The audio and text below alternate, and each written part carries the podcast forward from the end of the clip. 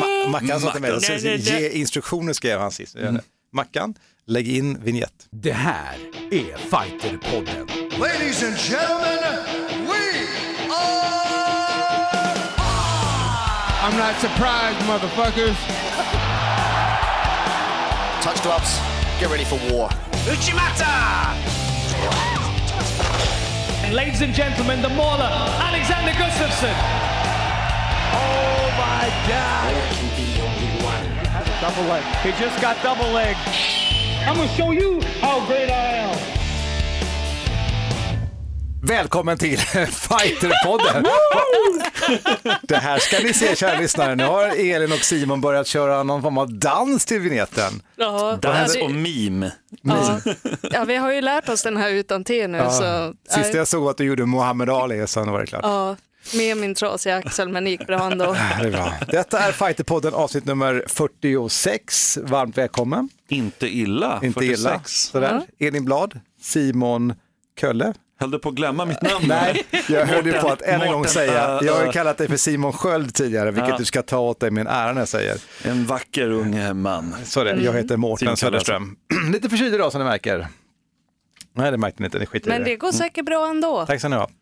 Fighterpodden at fightermag.se. Dit skickar man mejl när man vill kontakta oss Mm. till exempel. Om man har frågor som man vill att vi ska breda Svara. ut vår expertis på. Gäster vi ska ta upp. Absolut. Och in och... Att ge oss feedback. f- Men att man ska grada, alltså man ska sätta betyg på, Ja, på iTunes. Och ja, skriv, Gör, iTunes. skriv en recension om ni gillar oss. Så Det skriv gärna en recension. Alltså Simon, telepati är en jättedålig form av kommunikation. Vi har pratat om det i två år nu, att han ska Just säga det. så. Ja. Man ska ge oss betyg på iTunes och ju högre vi får desto bättre. Ja, om, om, om ni gillar oss så in Ja. och skriv, skriv det. Recensera oss på iTunes och podcaster och överallt. Till fighterpodden.se, här är från Stefan Skott. Apropå gäster, här ska ni få en lista säger han. Stefan Seidel, BJ-kille, som jag känner väl. Valdo Zapata, Musse Hassevall, Leo Neves, eh, Jimmy Collin, The Mauler hade inte varit här, här Alexander Gustafsson, Hanna Silén, eh, Janne Larsson, också BJ-tjej, Lisa Pil, också BJ-tjej, jag tror att den här killen är BJ-kille, Dolph Lundgren eh, och Max Lindblad eh, som också då är på Prana, BJ-kille, bland annat. Dolph hade ju varit rolig.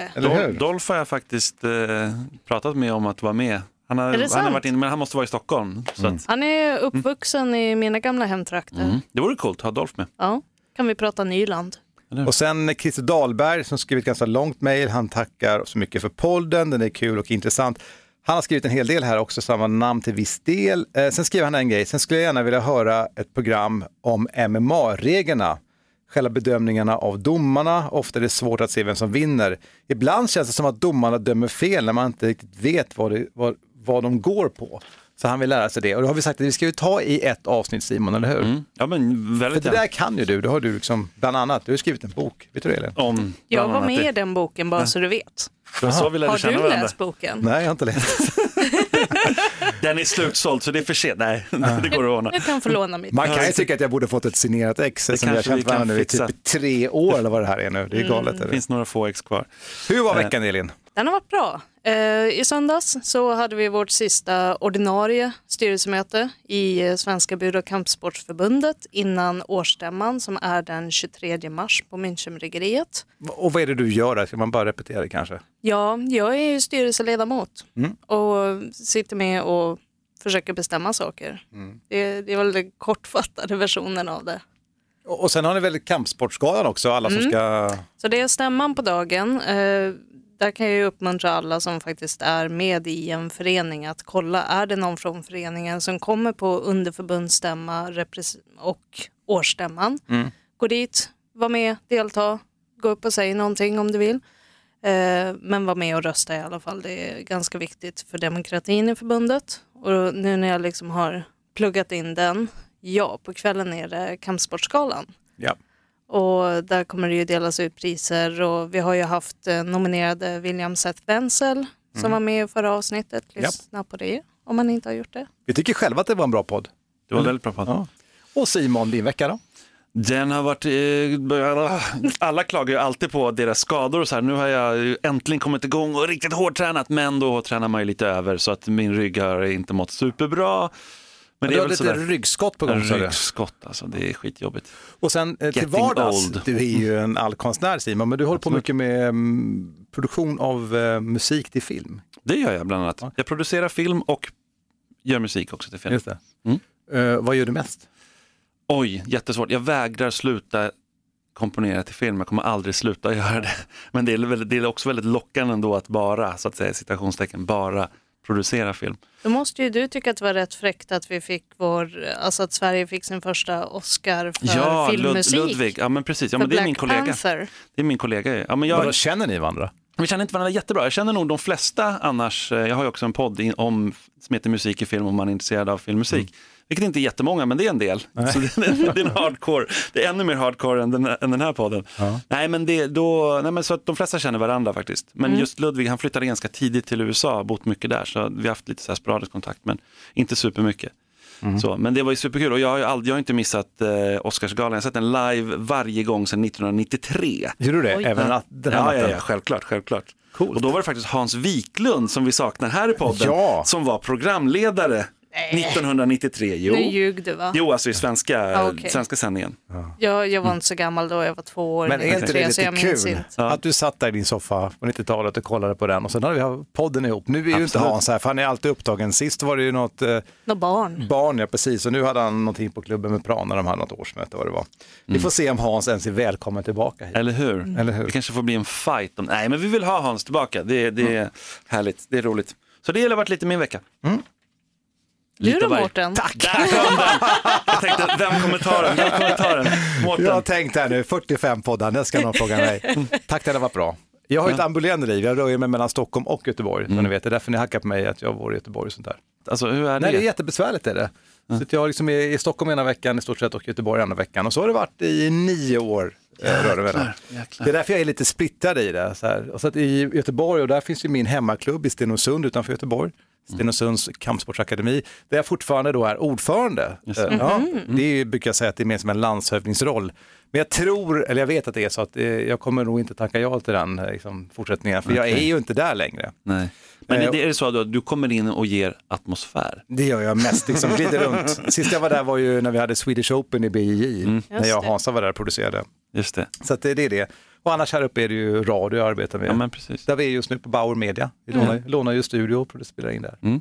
Så att det har varit en bra vecka annars, förutom den här förkylningen som jag precis har nämnt. Killar har en tendens att nämna det här med förkylningar lite mer än tjejer. Mm. Ja, det är en stor grej för er. Tack så ja. mm, det är det. Det. Kan vara att det... Och det är väl typ bevisat också att vi inte lider mer. För det är också en sån här standardgrej annars, att men vi lider faktiskt mer av våra. Och det är bevisat att det inte stämmer. jag, Jag, skulle, jag tänker att det där måste vara så svårt att bevisa. nej, jag, skulle, jag skulle inte vara här idag egentligen. Ja, det, du är fantastisk som har kommit hit. Tack så du Tack så du ha. Hörrni, vi har en gäst idag. Peter Löf kommer hit. Spännande, spännande. En riktig legend, en pionjär. Han skulle säkert inte själv vilja säga att han är en pionjär, men det är han ju såklart inom thaiboxning. Slagskeppet, vi måste prata om det såklart. Och hans, han eh, driver slagskeppet idag. och han är en förebild. Så otroligt Ja, mycket. han är ju nominerad till Årets eldsjäl och, och flera andra saker som han uppmärksammas för. Men eh, eftersom han inte själv tenderar att göra så mycket väsen av sig så får ju inte det så mycket spridning. Så vi ska väl se om vi kan pumpa ut lite mer av det här. Och så är det ju thaiboxnings-SM, det, måste vi fråga honom om. Absolut, och lite också skillnaden på thaiboxnings-SM nu och hur det var back in the days och så här. Det, det blir spänn, verkligen spännande. Men Mm. är han, han är inte nominerad på Kampsportsgalan då? Det är han inte. Nej, men det kanske han borde vara någon gång snart. Liten är det en hint eller? Ja, varför inte? att Elin då sitter med i juryn. Det är därför Ja. det här blir lite internt här i Du, du Fighterpodden. kan alltid skicka en nominering Simon. Ja, det kan jag alltid göra. Mm. Absolut. Eh, jag tänkte så här nu att innan eh, Peter kommer så ska vi Mm. göra så här.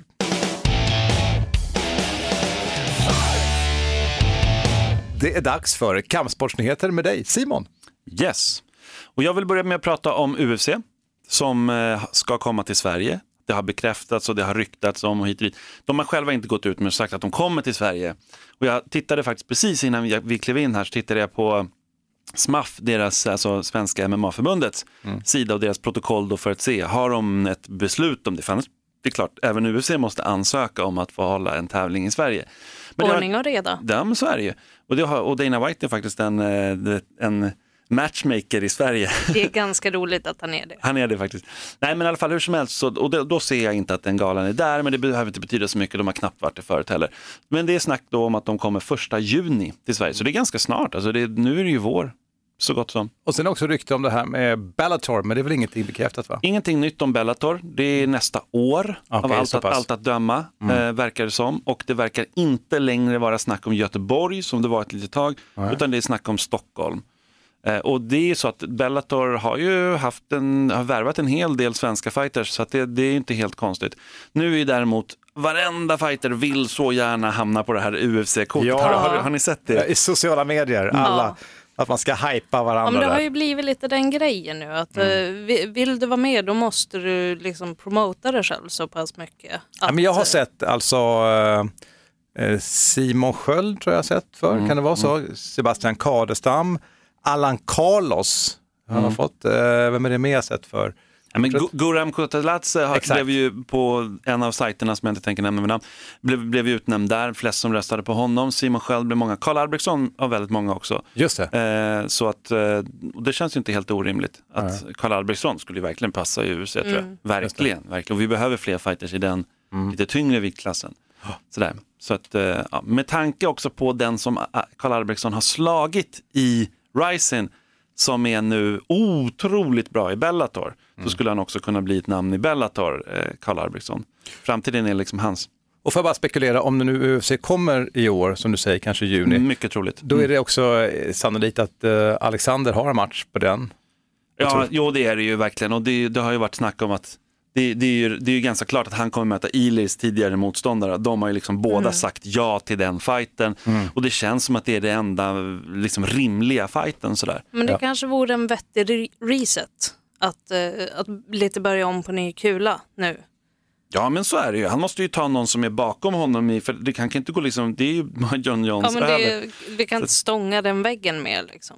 Ja men precis, och sen har vi haft eh, UFC Prag då, där Blahovic eh, liksom fick ett, ett tufft, en verkligen tuff motståndare. Så att det är ju då han fallit bort lite, det, annars, det skulle kunna vara liksom Blahovic annars då som skulle kunna gått mot Alex. Men nej, nej jag, tycker det är, en- jag tycker det är en bra fight där att han, han, han tar den så här. Men det är ju inte en, det är ju väldigt, väldigt bra namn, topp 10, men annars är det inte liksom världens djupaste division sådär Vad direkt. tror du att de siktar på för arena då?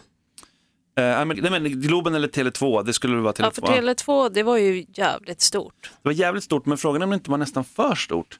Det var, det var, var ju nä- närmast kikarnivå liksom. På Men det var ju också sjukt knasigt att vi var så många som var där mitt i natten. Fyra, fem på natten. Ja, det var Ja. lite märkligt. Någon som verkligen har fightats för otroligt stor publik under sin karriär var ju GSP. Som många också anser. Jag har nyss på mig. Jag kommer nyss när som helst. Jag, jag tror att Mårten snarare är lite rörd och försöker dölja Han gråt, det. gråter Ja. Nej, det jag gråter lite. Det är inte en nysning. Gill- Gillar du GSP? Jag Mårten? älskar honom, jag tycker att det här är skittråkigt. Det är okej att visa känslor. Ja, jag vet. Han gick ju verkligen ut offentligt och deklarerade med liksom en presskonferens att han går i pension och sådär. Mm. Och ehm, ja, vad ska man säga om GSP? Fantastisk karriär. Han är otrolig och jag tycker att det är, det är så fint. Alltså, vi har suttit i den här podden hur många gånger som helst och, och beklagat oss över att folk inte vet när det är dags att lägga av. Och han gör det på ett så, han, han bara rundar av den här otroliga karriären på ett så, vad är det, dignified, vad heter det på svenska? Värde, värdefullt. Värdigt. Värdigt sätt. ja. Han gör det på ett så värdigt sätt. Och det, det kommer ju bara bevara honom för alltid. Om han nu liksom stannar i sin retirement. Men jag, säger det bara att jag tycker att han är en gentleman. Det, för jag tänker så här, han kommer ju också från, från traditionell kampsport. Han har verkligen att han har en otroligt liksom, härlig personlighet, eh, lite lågmäld kanske, men, men som sagt liksom ödmjuk. Och det där har varit väldigt viktigt tycker jag i en tid när MMA gick från ganska mycket Ja. stökiga figurer liksom, till att han kommer in. Det vill säga att det är han, eh, Lyoto Mashida är lite så, så här, samma kaliber liksom. Men om vi tänker på att det, om, om vi, just det här du säger Mårten, att det, det är massa trash talk och så, så tänker vi, vad var det GSP sa som var trashigt? I'm not impressed by your performance. Det, Mm. det var ju den, det är ju liksom. väldigt snällt Ja, i jämförelse. Ja, så därför tycker jag det är synd, bland annat. Ja, men det, det är ju synd. Samtidigt bra då som sagt att han slutade när han är på topp. Han, han tappade motivationen tidigt, höll ju nästan på att torska där innan han gick i sin första liksom, paus eller vad man ska kalla det. Kom tillbaka, vann mot Bisping, tog bältet, lämnar in det. Ja, men han var Någonstans. borta där, sen var det mycket snack, någonting privat och det var massa Ja. rykten där. Jag vet inte vad som var sant riktigt. Liksom. Nej, det vet inte jag heller, men det, det, det var ju motivationen. Han sa ju det Ja. själv, man måste vara motiverad på den liksom, toppen. När han inte längre hade den här rivaliteten med Matt Hughes och sådär så, så är det klart att det, det, det försvann någonstans, liksom, att bara vinna och vinna. I Prag då, jag pratade lite om Prag, UFC som var i Prag, då gick Daniel Tamer sin tredje UFC-fight och tyvärr så blev det torsk där. Så Det att- innebär att han är väl ute nu va? med största sannolikhet efter tre förluster på det sättet. Och det var inte en match heller som var sådär jätteböljande. Det var lite böljande i början, sådär, men det var inte så ett enormt liksom, böljande fight. Tyckte jag ändå att han hade en ganska bra första rond måste jag säga. Absolut, nej men det gjorde han. Jag verkligen. Alltså, Daniel Tamer är ju en rå talang. Han är fruktansvärt duktig. Det är må- men många också, som han mötte säger- också en fruktansvärt duktig brottare. Ja men absolut, en grappler verkligen som är hög, hög nivå. Men det är också sådär, det, om man pratar med liksom Gabriel, den tredje brorsan som också var duktig thaiboxare, det är David, Gabriel och Daniel då, så säger ju han så här, nej men den som har störst talang av oss är faktiskt Daniel. Och, det är liksom, och David brukar också säga det, nej, men jag tror att han har större talang än mig. Liksom. Men någonstans så här, Davids stil och viktklass och eh, liksom, ja, utveckling på något sätt har liksom passat MMA på ett sätt. Och jag tror att Eh, Daniel, många som trodde att det skulle vara tvärtom, att det var Daniel som det skulle passa, för han gillade liksom grappling i början och sådär lite mer och sådär. Eh, Men vilket kanske har gjort då att han har då grapplat lite grann och han har mycket att ta igen där gentemot de som har grapplat hela sitt liv och sådär. Alltså, det är alltid lätt i efterhand att sitta på någon sorts facit. Men jag tror inte att hans karriär är slut nu. Jag tycker, gå ner lite i de mindre organisationerna, rada upp ett antal vinster och, och liksom få mer rutin så kommer han komma tillbaka. Han är en enorm fighter. Så att det, det, det, men det var- det är tråkigt att se någon så här så duktig förlora. Liksom. Och vi har ju dessutom sett Niklas Bäckström och även andra då så här med otroliga talanger och så går det inte superbra i UFC och sen så liksom någonstans så försvinner de lite grann. Så man skulle ju vilja se att Niklas Bäckström kom tillbaka till exempel. Ja, jag tror att det kan vara ganska tufft när man har varit uppe i UFC och faller ur. Jag tror att det, det blir nog motigt efter det. Jo men verkligen.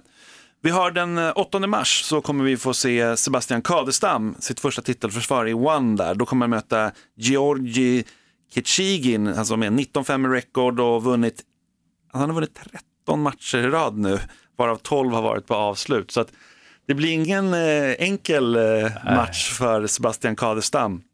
Och eh, Kishigin han vann sin senaste match mot Rosemar Palhares på TKO.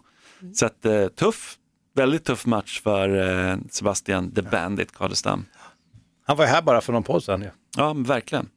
Så var han. Vi har eh, andra svenska fighters som kommer gå matcher. Vi har ju Brave eh, som har en gala den 15 mars i Manila där vi ser Amir Albazi. Som, vi, pratat, som vi också haft som, som gäst i podden, i alla fall på telefon. 11-0 record. Han kommer gå co-main event där mot José Torres. Vad, vad sa du att galan hette?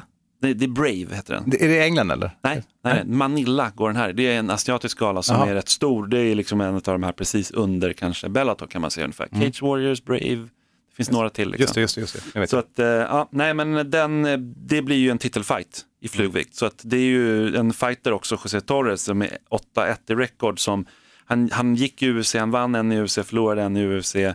Och eh, ja, det är en ruskigt, ruskigt bra fighter verkligen. Som hade lätt kunnat stanna i UFC som Amir kommer möta. Så det blir, det blir ett, ett hårt, hårt test skulle jag säga. Jag menar den matchen han vann i UFC, om, om ni ser den så kommer ni säkert komma ihåg det, men han, han mötte Jared Brooks där och tog upp honom, slammade honom och knockade honom på en slam. Så att han är stark som en björn i liksom flugvikten. Så att det här, det är, det är, jag ser verkligen fram emot att för Amir ska få möta ännu tuffare fighters, för han är ju en stjärna. En svensk rikt, rejäl stjärna verkligen, 11-0 liksom. Han utgår från eh, London, London. Shooter, eller hur? Mm, Shootfighting, ja precis. Ja men exakt, sådär. Men har ju tränat mycket i Sverige och så. Ja, för det, han bor nu i England och pluggar där. Är det inte så? Precis. Ja, vi hade han på telefon och det berättade han ju det. Precis. Exakt, exakt. Vi har Kamzat Chimaev som är ju svensk eh, numera som eh, tränar för eh, Allstar. Som eh, är obesegrad, han kommer också gå i Brave. Så möter en ryss som är helt obesegrad, 7-0 i rekord, som heter Ikram Alisekerov. Alltså du och din ryska, han är så grym Elin. Ja, verkligen. Det kanske är dig de ska hyra in för att kommentera de här matcherna så att det faktiskt blir Ja, det, är något inte sagt. helt, det är inte helt lätt. 19 april går i alla fall den matchen av toppen. Så ja, men det, det blir jättekul att se de här svenska fighterna som är obesegrade som, som går upp. Det är alltid något speciellt där. En fighter som inte är obesegrad, men som många pratar om är Conor McGregor förstås. Och han tränar jättemycket grappling nu, har ni sett det? Nej, Han kör ju med Dylan Dennis eh, och eh, som är ganska så här, hyfsat hatad och lite älskad i, i BI-communityt, eller vad säger du Helene? Ja, nej men antingen så tycker man ju att Dylan Dennis är liksom världens största arsel eller, eller så, ja, men jag, nej jag vet fan inte någon som gillar honom. Men, men det, det kanske är bara mina kretsar, men jag tycker han, Nej, han jag tycker att han är trevlig. Gör du det? Nej, jag skojar. Han är lite en bad boy så här liksom. Ja, men han, han känns så jävla på låtsas. Och det, det kan ju bara vara min egen grej. Jag har så jävla svårt för folk som håller på så. Conor har i alla fall skrivit mycket om det i sociala medier och så, om hur bra han tycker om Dylan eh, Dennis. Och hur bra fighter han är. Han har ju gått en, en eh, MMA-fight också, Dennis, och där han liksom, ja, ruskig. Men vad tror du grejen är? Varför har han som fokus på, sin, på backen? Nej, han säger att han, han är ganska ärlig också. Han har kommit liksom ut med en analys och säger att han inte har fokuserat tillräckligt mycket på det. Han har mycket att ta igen. Ja. Han är liksom inte ultimat där någonstans, som han då är, tycker han själv, stående. Och att han har mycket att ta igen och, och liksom det, det, är det, han, det är ett hål som han nu följer, som, eh, som han nu täpper igen och att han verkligen kommer rada upp fighter efter fighter och, och helt enkelt såga sönder dem och liksom Man kan ju tycka att det hade varit jävligt underligt om man hade gjort en annan analys efter matchen mot Khabib. Där han blev tokbrottad. Ja, men han, han har en analys där om den matchen också, att han någonstans fokuserade inte alls på att attackera, vilket också kan vara en typ av försvar. Han fokuserade bara på att komma undan, komma undan, komma undan. Så så fort eh, Khabib, eller Khabib kom, fick tag i honom så skulle han bara liksom fly egentligen, försöka ta sig undan. När det inte gick, då var det liksom kört. Men han försökte inte så mycket själv. Liksom, att ta sig, sen vet man inte Alltså, jag vet inte, man den- den matchen- Men han har ju blivit utstrypt två gånger nu. Nu får han ju... Ja. Men jag tänker bara just den matchen, för det var ju inte så. Jag tyckte först i början bara att han faktiskt gjorde lite okej ifrån sig där. Ja. Han hade ganska bra språl och han, han såg liksom lite cool ut. Och Men sen han så ville ändå hålla sig Men borta. det räcker ju inte. nej, men sen gick liksom Khabib en nivå till och då såg han ju inte en chans. Ja. Nej, nej men exakt. Så att det är ju såklart tufft. Apropå Dennis då, han har ju blivit avstängd sju månader. Han, han blev ju på, han blev ju ändå, alltså Khabib hoppade ju ut ur buren och hoppade på Dennis eh, utanför. The Eagle flög ut. Flög ut. Dennis säger att han ju fick in två smällar på, på eh, Khabib. Men eh, det har inneburit att Dennis i alla fall fått sju månaders avstängning från MMA och eh, 7500 dollar ska han betala. Så att de där sju månaderna har väl snart gått, tänker jag. Det, det, liksom, det går ganska fort. Ja, du tänker så ja. Det är, så här, det är liksom, Ja. ja. Eh, årets eh, hittills tyngsta MMA-gala kommer gå av stapeln nu i helgen. Där har vi John Jones som kommer gå mot Anthony Smith som kommer bli vikt- riktigt häftig. Tyron Woodley kommer gå mot Kamaru Usman. Så det är två titelfighter där och en av dina favoriter skulle jag väl säga, eller en av mina också för den delen, Zabit Magomed Sharipov. Precis, men jag inte du- kan säga efternamnet. Ryskan alltså. Nej, men jag kan inte säga Han efternamnet. är så bra. Men han, han är ju sjukt duktig. Han kommer ju möta Jeremy Stevens och det blir ju ja, rugg, ruggig fight. Så Robbie Lawler kommer gå mot Ben Askren och vi äntligen Ja, alltså, får se vänta Ben. Askren. Gud vad Allt kul. det här- Alltså samma vilket gala. jävla, ga, jag säger det, vilket jävla kort det är. Alltså, det är galet. Det är årets bästa, det är garanterat årets bästa kort och det här är bara några matcher. Men det är bara jättebra tjejmatch. februari än. Men hittills. Du skulle ju kunna haft den här nyheterna bara om den här galan, du förstår Ja. det va? Ja men så är det ju, verkligen. Otrolig, otroligt intressant eh, gala med två titelfighter och John Jones han vill verkligen gå match efter match. Det tycker jag är kul. Jag tycker tävla oftare. Alla. Mer. Vilken tycker du, svår fråga, vilken av de här matcherna tycker du är mest intressant? Oj, jätte, alltså, jag är så otroligt sugen på att se Ben Askren faktiskt. Nu har man ju sett honom ändå. Så jag har ju Han sett hade honom 17-0 va, 17-0 ifrån. One. Och han hade 87-0 hans sista liksom, brottningstid. Det var 84 eller 87, jag kommer inte ihåg. Men någonstans sånt där, sin sista tid inom brottningen. Så att, menar, han var ju... Kan jag säga att han har gått över från One Championship till UFC. Liksom. Har han gjort nu ja. Precis. Mm. Och han slog ju bland annat Sebastian Kardestam och sådär. Men han har inte liksom mött riktigt den här topp 5, topp 10 Nej, nivån. det är kul. och nu springer han på en tidigare champ i UFC. Så det är inte liksom en duvunge direkt. Och det är, Ben Askren menar jag, de har gett mig en fight som är extra svår. Dana White säger, fast alla matcher i topp 10 är svåra. Så det, Och det, där håller jag faktiskt för en gång skulle verkligen med Dana White, att det är inga lätta fighters som man har där. Men det är ju liksom en antibrottare av rang, Robbie Lawler, som ändå kan brottas, men som inte vill brottas. Så att eh, på så sätt är det väl en eh, liksom skräddarsydd Ah, jobbig spännande, jag är redan nervös. Vilken bra helg det blir nu känner jag bara. Det är en grym helg. Och i helgen så har vi också thaiboxnings-SM Just det. som går av stapeln i Göteborg. Japp. Kommer du vara där då i Göteborg? Jag kommer ju kolla på MMA-frukosten där på söndagen. Du, men jag kommer nog inte vara där faktiskt, för att jag kommer till Göteborg på söndag. Okej, ja, men då, då blir det lite svårt. För den, den håller ju på hela helgen. Och sådär. Och det, thaiboxnings-SM är ju verkligen något speciellt. Det, det jag var, inte förra året, men jag var året innan det. Och, och sådär. Då var det riktigt, riktigt bra faktiskt. Det, det är bra, oftast väldigt bra arrangerat vart det än är i Sverige och det är väldigt härlig stämning och super, super bra fighters. Hoppas det kommer mycket publik. Ja, men det hoppas jag verkligen också. Kommer du vara där Elin? Nej, Förbundet kommer säkert vara där på något sätt i form det av tror jag Jonathan absolut. eller någonting. Jonathan kommer säkert vara där, kanske Annie är där och att de rapporterar därifrån. Men, eh, men jag kommer inte vara på plats. Thaiboxning är ju den största sporten tillsammans med jujutsu i kampsportsförbundet så att eh, det är ändå sådär att det är ju stort när det här Ja, det är sker. en stor händelse, det är det absolut. Eh, två, två grejer till vill jag ändå ta upp och det är, den ena är ju att eh, aikido-legendaren Jan Hermansson har gått ur tiden och det har även aido och judo-pionjären Rolf Radikovic. Han har också gått bort. Oj. Väldigt tråkigt förstås. Mm. Ja, men jag tycker ändå att det finns något fint i det när, när de går ur tiden, att vi tar upp det Mm. sådär i, i podden och i andra sammanhang. För de har verkligen gjort en, någonting stort inom sina sporter.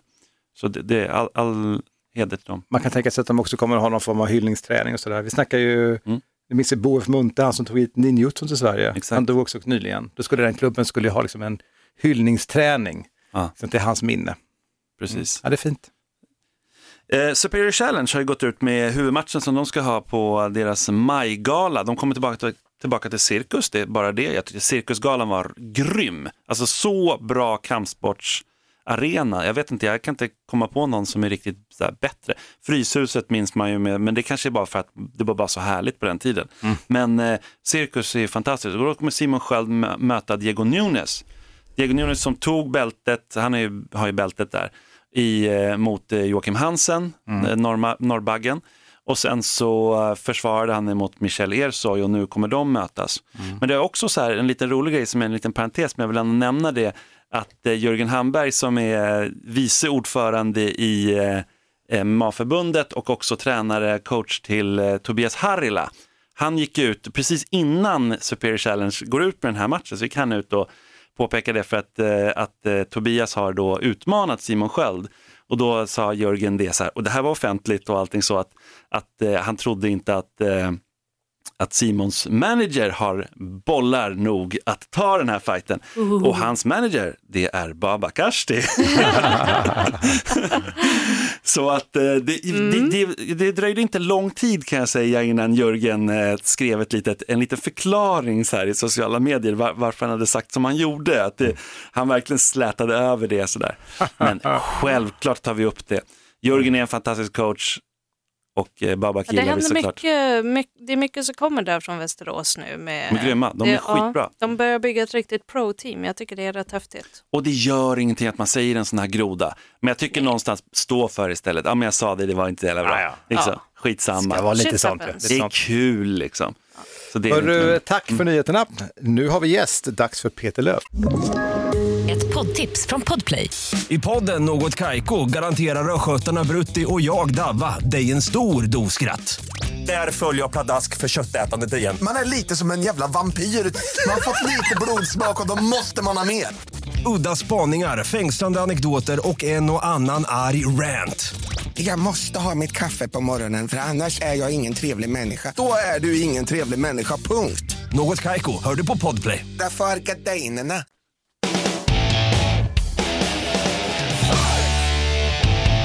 Då är det dags att presentera vår gäst i Fighterpodden, Peter Löf. Ovan vid applåder eller? Ja, Är det så? jag står i träningslokalen. Ja, eller hur? Välkommen hit. Tackar.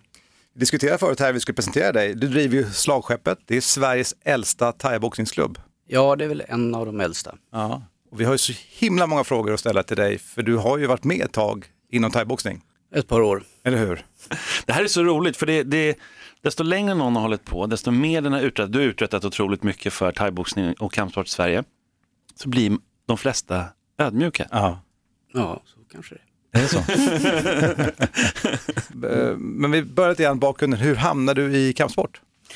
Jag snubblar ner i en träningslokal där jag träffar min mentor och tränare Per-Olof Lindvall. Eller P.O. Lindvall får jag Mm. säga. För jag får inte säga Per-Olof. Alltså vill inte han det? eller? Nej. Nej okej. Vad var det som utövades i den här lokalen du trillade ner i? Då hette klubben Renshinkan Karate då. Sportskarate. Fast vi döpte ju om den rätt så snabbt till Renskinkans Karateklubb. Men, men varför hamnade du där? Vad, vad, vad fick dig att ens prova det? Jag tittade på massa karatefilmer och kung Ja, det var den tiden ja. Ja. Precis så var det. Jag hade turen att min pappa jobbar som rörmokare och han jobbar för Europafilm. Så jag har sett alla kung fu-filmer som någonsin har gjorts på den tiden. Jag har sett alla karatefilmer. Nej, vad nice. Jag skulle kunna jobba som dubbare. Även idag kommer jag ihåg vad de säger i filmerna. Är det någon film som gjorde något särskilt starkt intryck på dig som du än idag kommer ihåg? Det är två filmer. Eh, Snake in a Monkey's Shadow. Mm, Mhm. Just det, just det. Och den andra är Enter the Dragon. Ja, ja, Bruce Såklart, Lee. såklart. Bruce Lee Mm. såklart. Man kan bara sätta i perspektiv att det här var ju en tid, jag tänker om man inte var med på den tiden så är det så att det var så här man kom i kontakt med eh, kampsport och det var ju också ganska ojämn kvalitet på de här filmerna. En del var ju lite bättre och en del var ju helt katastrof. Och sen var det ju inte så många kampsportsklubbar. Det fanns ju, men det var ju inte samma. Det gick ju inte lika fort att få reda på att det fanns en karateklubb där eller kung fu-klubb där eller sådana grejer. Och speciellt vi då som inte tillhörde budoförbundet. Nej. Då var det heller inte legitimerat. Där var ju någonting som ja, alla som har, alla vi som har varit med, som, när vi till slut vart med i Riksidrottsförbundet, Mm. som gjorde att helt plötsligt så vart vi lite tvättade. Mm.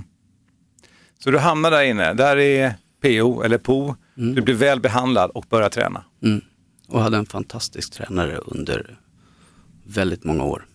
Upplever du själv att du hade en fallenhet för kampsport? Folk sa att jag var talang, men jag får citera en känd idrottare. Desto mer jag tränade, desto bättre vart jag. Ja. Stenmark. Exakt så.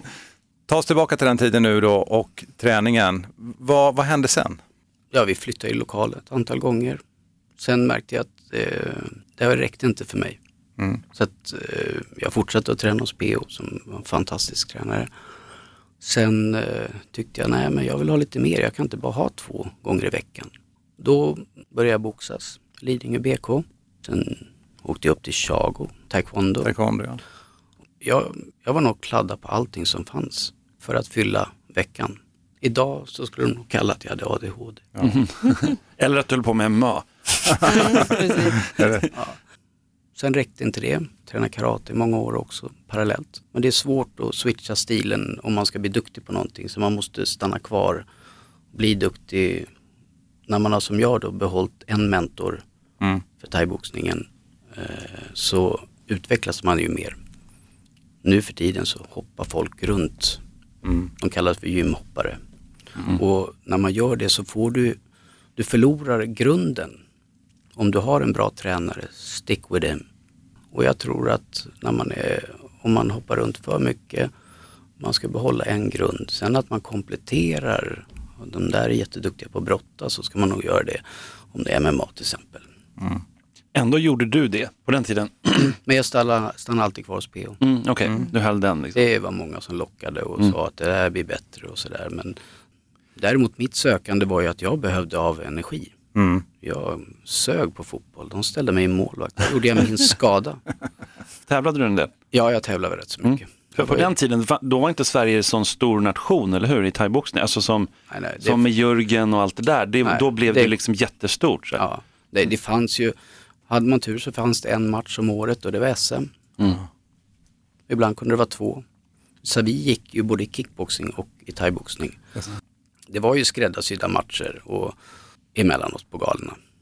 Ja, de tycker inte om när vi sparkar dem på ben. Okej, vi tar bort low kicken och sådana saker. Mhm. Och det är ju inte nu. Nu är ju Sverige en jätteledande nation. Mm. Och det har varit en fantastisk grej att följa.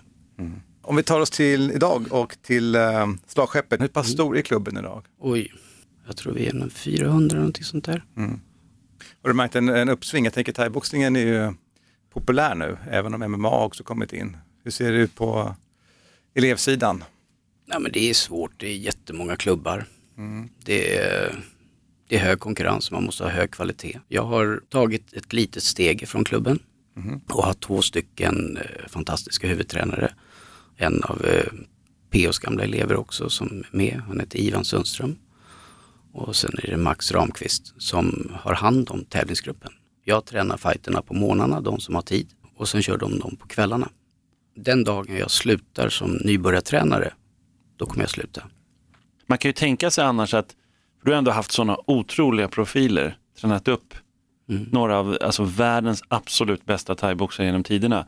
Och då, då kan man tänka sig att ja, men han vill nog bara hänga med de allra bästa. Nej. Det tror jag ändå många skulle tro. Mm. Men det, det är inte så. Nej, jag kommer, det här löftet var gav jag när PO lämnade över facklan. Mm. Då sa jag till mig själv att den dagen jag slutar att träna nybörjare, då kommer jag sluta. Men när du fick ta över, var det en fråga eller sa han, nu är det så här Peter, att nu får du ta över? Ja. Det var så, han mm. sa det, han bestämde mm. det. Hur bygger man en stark grund? Man sätter den bästa tränaren på nybörjarna. Och det är du? Mm. Mm. Nej, tog jag åt mig lite grann där. Mm. Men det är bra, det är bra. Ja. Det fanns en vis man en gång i tiden, se om du kommer ihåg den då? Mm. Strong root, make good tree. Nej, det kommer jag inte ihåg. Karate Kid. Ja, just det. Den borde du ha kunnat se. Mr Miyagi. Mr Miyagi. Mm. Det är när bonsai-trädet blir sönderkastat. Det är sant. Mm. Ser du, när det kommer in då nybörjare på klubben, är det då liksom att de, de tas emot som att de skulle ha precis lika mycket potential som vem som helst som är toppfighter på klubben? Det är därför jag är där. Mm. Mm. För att kunna möta dem mm. i, i sina första ja. stapplande steg. Jo, men sen är det så här, man måste ju veta också att man har, man har ju begränsningar. En nybörjare behöver inte tjata på att han ska göra sina grejer. Men emellanåt så blir en fighter trött. Mm. Och då måste man lirka. Och då när man, när man har, jag har ju curlat sönder väldigt många boxare. Eller sönder har jag inte gjort, men eh, man, man är så otroligt intresserad av att se utveckling. Mm. Så man lägger ner lite extra tid och det har jag gjort. Är det fel? Både ja och nej. Mm. Till rätt person så är det rätt. Fel person är det fel. Men, men idag när de kommer till dig och vill börja träna, mm. då ser du säkert med din erfarenhet olika typer av personer. Mm. Instruerar du och tränar dem på olika sätt? Det måste du göra. Ja, fast det är inte självklart. Det, det är, det är så här, man, man, kan, du kan ju se på en människa, har han långa underarmar, korta överarmar, vad ska han göra då? Han ska boxas, han ska absolut inte köra armbågar. Ja, det är jag med på. Jag var faktiskt lite mer inne på den mentala attityd och uh, hur de ska drivas. Liksom. Som du sa förut, det finns en risk att du kan curla någon för att du blir så engagerad. Ja, men alltså en, en, en som kommer dit och har, man ser att han har fight i hjärta. Mm. Han vet att han kommer göra jobbet, men han suger på tekniken. Ja, då måste man träna teknik med honom. Mm. För att det är en sak som du kan bygga upp det, du kan bli dit att vara fighter, men många gånger så fighterna, de, de som kommer dit och är tuffa och balla och hårda och sådär, så de orkar inte göra jobbet. Nej. Vad har du för sätt att motivera dem som kanske ändå har rätt inställning men inte har det drivet som behövs? Ja, men det, det, det tränas ju, precis som med all sport så börjar man att träna grunderna och ha kondition och alltihop. Men sen måste du belastningsträna dem. Så du måste ju belasta i lag. Om du belastar en ungdom för mycket, då går ljumskarna, knäna. Det är bara att titta på fotbollen. Mm. Nu är det ju massa klubbar som är jätteduktiga på att se till att de inte blir överbelastade. Det har blivit bättre i alla fall. Ja, de har mm. blivit mycket mm. bättre. Nu är det inte bara pappar, pappor och mammor som står där och skriker, utan nu har de ju, oj då, vi kanske måste lära oss biomekanik. Exakt. Vi kanske måste tänka på om vi cementerar våra barns fötter så de sitter helt stilla. Men där var ni tidiga, eller hur? Ja. Alltså med biomekaniken är ju ändå det är kampsport. Det går ju långt tillbaka men den har ju inte liksom, det är via kampsporten egentligen den har fått fäste och nu är den ju populärare än någonsin. Ja. Men kan du känna, som har tränat kampsport så länge, att det är lite revansch för kampsporten att andra idrotter söker sig till kampsport? Det, det är faktiskt så att även när vi var yngre så sökte sig hockeyn till jazzdans, hockey till thaiboxning.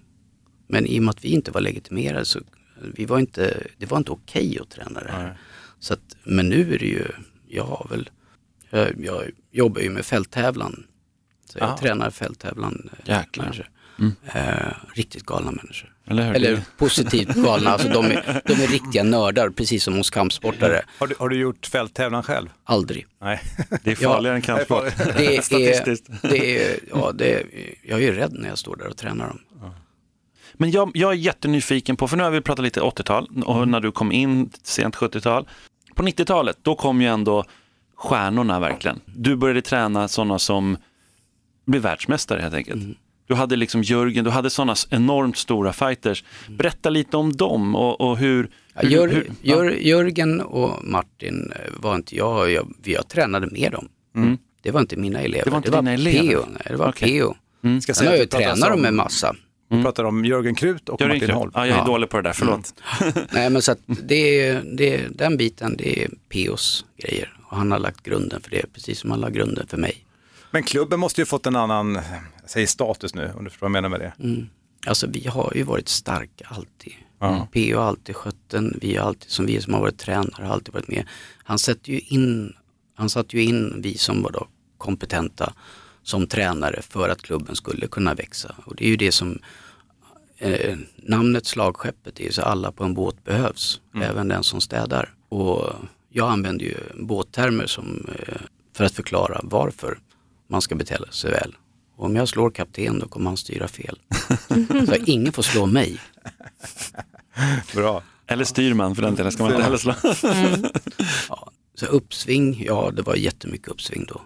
Jag tror vi hade en tid på Nybrogatan som vi kanske var mer, men på Rådmansgatan så var klubben tror jag störst. Mm. Men det var väldigt mycket boom och det fanns väldigt lite klubbar som sköttes väl.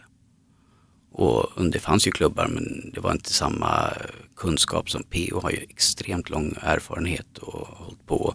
Och sen är han en bra mentor och en bra människa. Har han varit en bra tränare tycker du? Ja. Mm. ja, han fick ju mig intresserad. Så att, och, och, trots att jag inte kunde spela fotboll. Fast, fast du, du är ju också väldigt ödmjuk i din roll. Om, du, om man då pratar med sådana som tränar hos dig eller läser intervjuer med sådana som är, alltså du är ju väldigt populär. Det finns ett ord för det faktiskt. Jag, när jag tänkte på det, när jag, jag tittade också innan här lite på vad andra har sagt om dig och det var nästan ingen som sa ordet, men när jag, jag läste in, undertexten var glasklar, det var familj. Ja. Du gav en familjär, alltså det, vissa har inte kanske haft en stark familj, vissa har haft en jättefantastisk familj, men oavsett vad så har de fått en familj där. Det är därför du idag är en sån förebild. Ja, så kanske det är. Vi är tillbaka till det här ödmjuka. Alltså, vi kan snart hoppa på dig, vi är ändå tre pers, vi kanske kan ta dig, Ja. så får vi slå ur Kan dig du inte liksom acceptera det? Kan Om du fakt- tar lead på den Simon så... Ja. Jag ska berätta faktiskt att de här nomineringarna vill jag säga nej till. Okej. Berätta om nom- nomineringarna. Det är som jätteintressant. Ja, berätta om dem. Ja, det är ju, ena är ju Eldsjälsgalan. Mm. Och sen är det den lokala hjälten. Du blir väldigt emotionell när du pratar om det här. Vad är det som Ja. gör det som är så jobbigt? Är inte det här någonstans det som många, eller kanske många flesta vill ha som ett bevis på att du faktiskt, för det är ju väldigt fint att få vara ett pris på Eldsjälsgalan. Det- Alltså Ja, det är eldsjäl, jättestort, ja. det är ju stort. Ja, men jag, jag tycker det är mellan de personer jag hjälper och mig. Mm. Men, men vill du inte ha uppmärksamhet? Du, du söker inte det alls eller? Jag har fått uppmärksamhet, det räcker. Fast det är nästan som att när du pratar om det, att du, när du säger att du vill tacka nej, vad beror det på? Nej, men att stå där uppe och... Ja, nej, det, Ta emot applåder, alltså du Ja. blir ju rörd, men det är ju, det är ju, Ja. det är Jo, ju men- naturligt. Jo, men alltså vadå, jag är, ju, jag är ju precis som alla andra. Det är inte bara jag som är eldsjäl i slagskeppet. Det är Ivan, det är Max, det är alla andra tränare. Det, är, det är inte bara jag. Sen, är, sen kanske jag har sått ett frö som har tagit klubben till en annan nivå. Att det ska finnas. Du ska kunna, om du har dina barn hos mig så vet de att händer någonting på stan, gå ner på skeppet, jag kommer och hämtar dem en timme, vi är i Västerås. Apropå familj där nu. Mm. Men sen vände jag på alltihopa. Eller det var faktiskt de som berättade att jag, de tycker att jag skulle göra det i alla fall. Om inte annat för att säga exakt det du precis sa. Och det är därför jag har sagt det också när de har frågat mig. Att det är inte bara jag. Jag är inte ensam om det där. Jag kanske har sått fröet. Jag kanske lägger, lägger ner två timmar extra. Eh, men det har jag alltid gjort. Det här är ingenting som är nytt. Det gjorde jag i skolan också. Så det, men det är framförallt eh, därför sån stor psykisk ohälsa som det finns. Så att man vågar prata när man mår dåligt. Att man vågar hitta någon som kan, som inte bara är mamma och pappa, utan någon som är utifrån som kan vara en förebild. Vi är så rädda nu för tiden. Det är ju därför det händer så jävla mycket skit i Sverige och hela världen. Det är därför man är rädd. Det är rädsla som gör att du inte vågar gå in i ringen. Ja, absolut. Men jag tänker lite, du pratar om psykisk ohälsa och du själv, du hade ju anorexi i din ungdom, var det inte så? Mm, jag hade nog alla kombinationer. Det fanns ju inte den benämningen på den tiden. Nej. Ätstörningar? Ja, jag hade från 12 till 25. Tränade sju dagar i veckan. Åt väldigt, väldigt lite. Mm. Och jag hade nog allting. Jag hade anorexi, jag hade bulimi, jag hade ortorexi. Mm. Det var... Och det här finns ju kvar än idag, men du kan ju som tränare kanske se de tendenserna hos elever. Det är mycket lättare och sen mm. framförallt så kan jag nå fram för att jag kan prata öppet om det. det. Mm. Och, och veta, jag kan ju alla knep. Mm. Hur hjälper man någon som, är, som har hamnat i liksom en ätstörningsproblematik? Det finns ingen manual. Nej. Det finns ingen manual. Det finns ju massa eh, företag som jobbar med det. Sjukhus. Uh, och det finns ingen manual. Det är inte det jag håller på med. Jag säger inte att jag är någon, kan någonting om, jag kan väldigt mycket om anorexi och Men eftersom, Jag tänker att eftersom du själv har varit där, då, då kan det bli så mycket enklare att möta en person som är i den här problematiken, som jag också har varit. Mm. Att då prata med någon som faktiskt förstår vad det är man upplever. Ja, och hur mycket du har ljugit. Ja. Mm. Hur mycket du har varit arg mm. på mamma och pappa. Mm. Hur mycket som du har utsatt. Och det kommer ju till sanning och rädsla. Du har ljugit. Du är rädd. Det, det, blir ju alltså, det blir en lögn som du måste leva med. Den där vaknar du upp på morgonen med. Mm. Att försöka dölja det för mm. alla som är runt en. Mm. Det, är, det är inte lätt. Mm.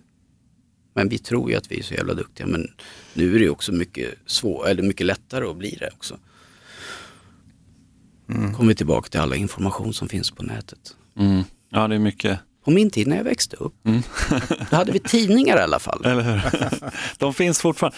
Men vi, vi, det känns som att det här, det här borde vi prata väldigt länge om, för det här är väldigt intressant. Det, det känns som att nu kommer vi ner liksom på någonting som är på riktigt. Mm. Men nu hägrar ju ändå SM, vi måste prata om SM. Ja. SM har blivit jättestort.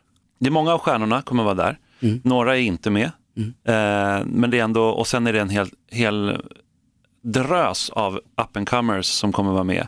Som det är finns i, i, nästan alla viktklasser så ja. är det några S. Det är bara de tyngsta viktklasserna som det är lite tunt på när jag tittade på startlistan. Liksom. Ja, men, Varför är det så har, i Sverige? Har, har, du läst på? För det finns rätt så många där i 75. Jo, men tänk så, tyngsta, som, 100 plus. Alltså ja, där, men den, där är den, det väldigt få. Ja, men det är så här, hur många, om du går runt på alla klubbar, mm. hur många tungviktare finns det? Ja, det är inte många i Sverige. Hur, men... många, hur, ja. många, hur många har någon att sparra med? Mm. Jag hade ju, jag har ju haft tungviktare genom åren och alltihopa. Och det tar längre tid att bygga upp dem. Mm. Eh, sen kommer man då till matchstart och så står man där som tränare och bara yes, nu har han fått match, äntligen. Och så ställer de in. Okay. och, och sen går man kanske ett år med en boxare och får inga matcher. Och där har du problemet med tungvikten. Mm. Det kommer bli jätteroligt, det är ett fantastiskt startfält. Och det är jättemånga som man, man har hört talas om dem men man vet att de är duktiga. Så det är, det är riktigt kul ska det bli att se SM. Jag har frågat väldigt många thaiboxare om varför är vi så bra på thaiboxning i Sverige? Och jag tror att ingen av dem har kommit med ett jättebra för, liksom, svar. De har sagt att vi åker till Thailand och så har vi, vi har en vana att åka till Thailand. Men Nej. jag tror inte att det bara är det. Berätt, mm. berätta för oss, varför är vi så bra på thaiboxning?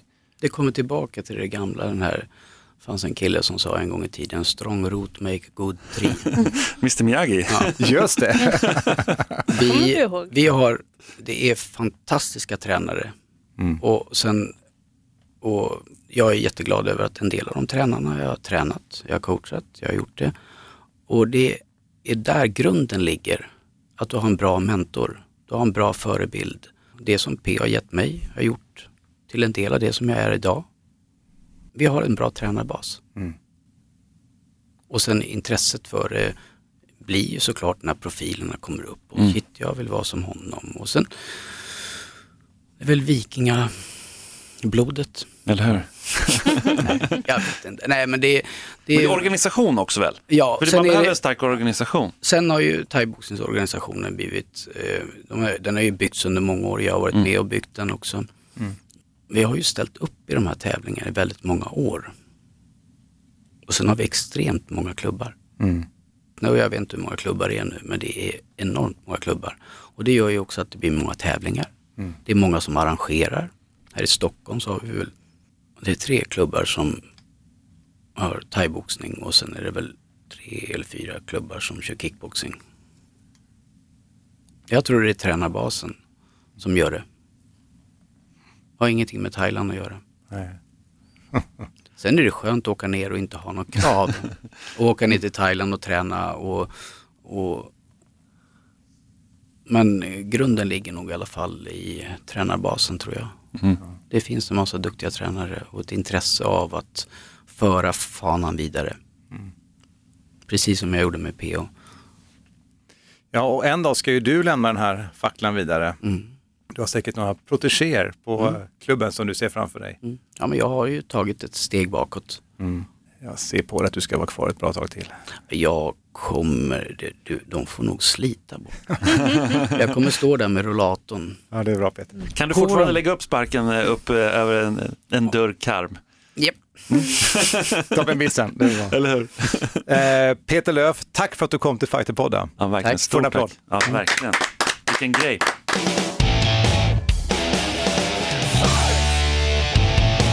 Det blev lite emotionellt där hörni med Peter Löf. Verkligen, verkligen. Ja, lång historia.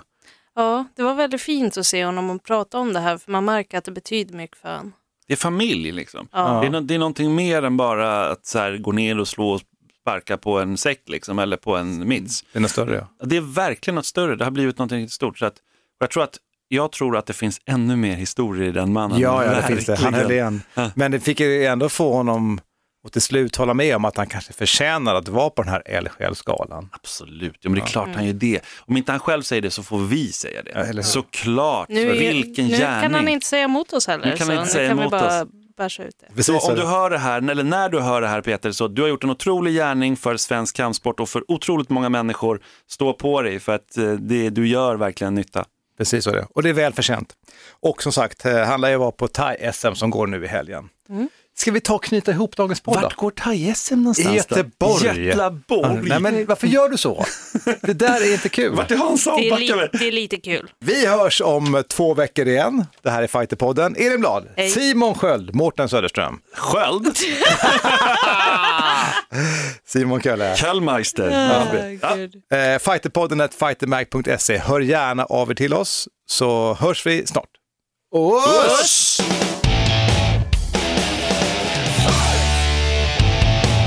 Fighterpodden produceras av Suba Media för Radio Play.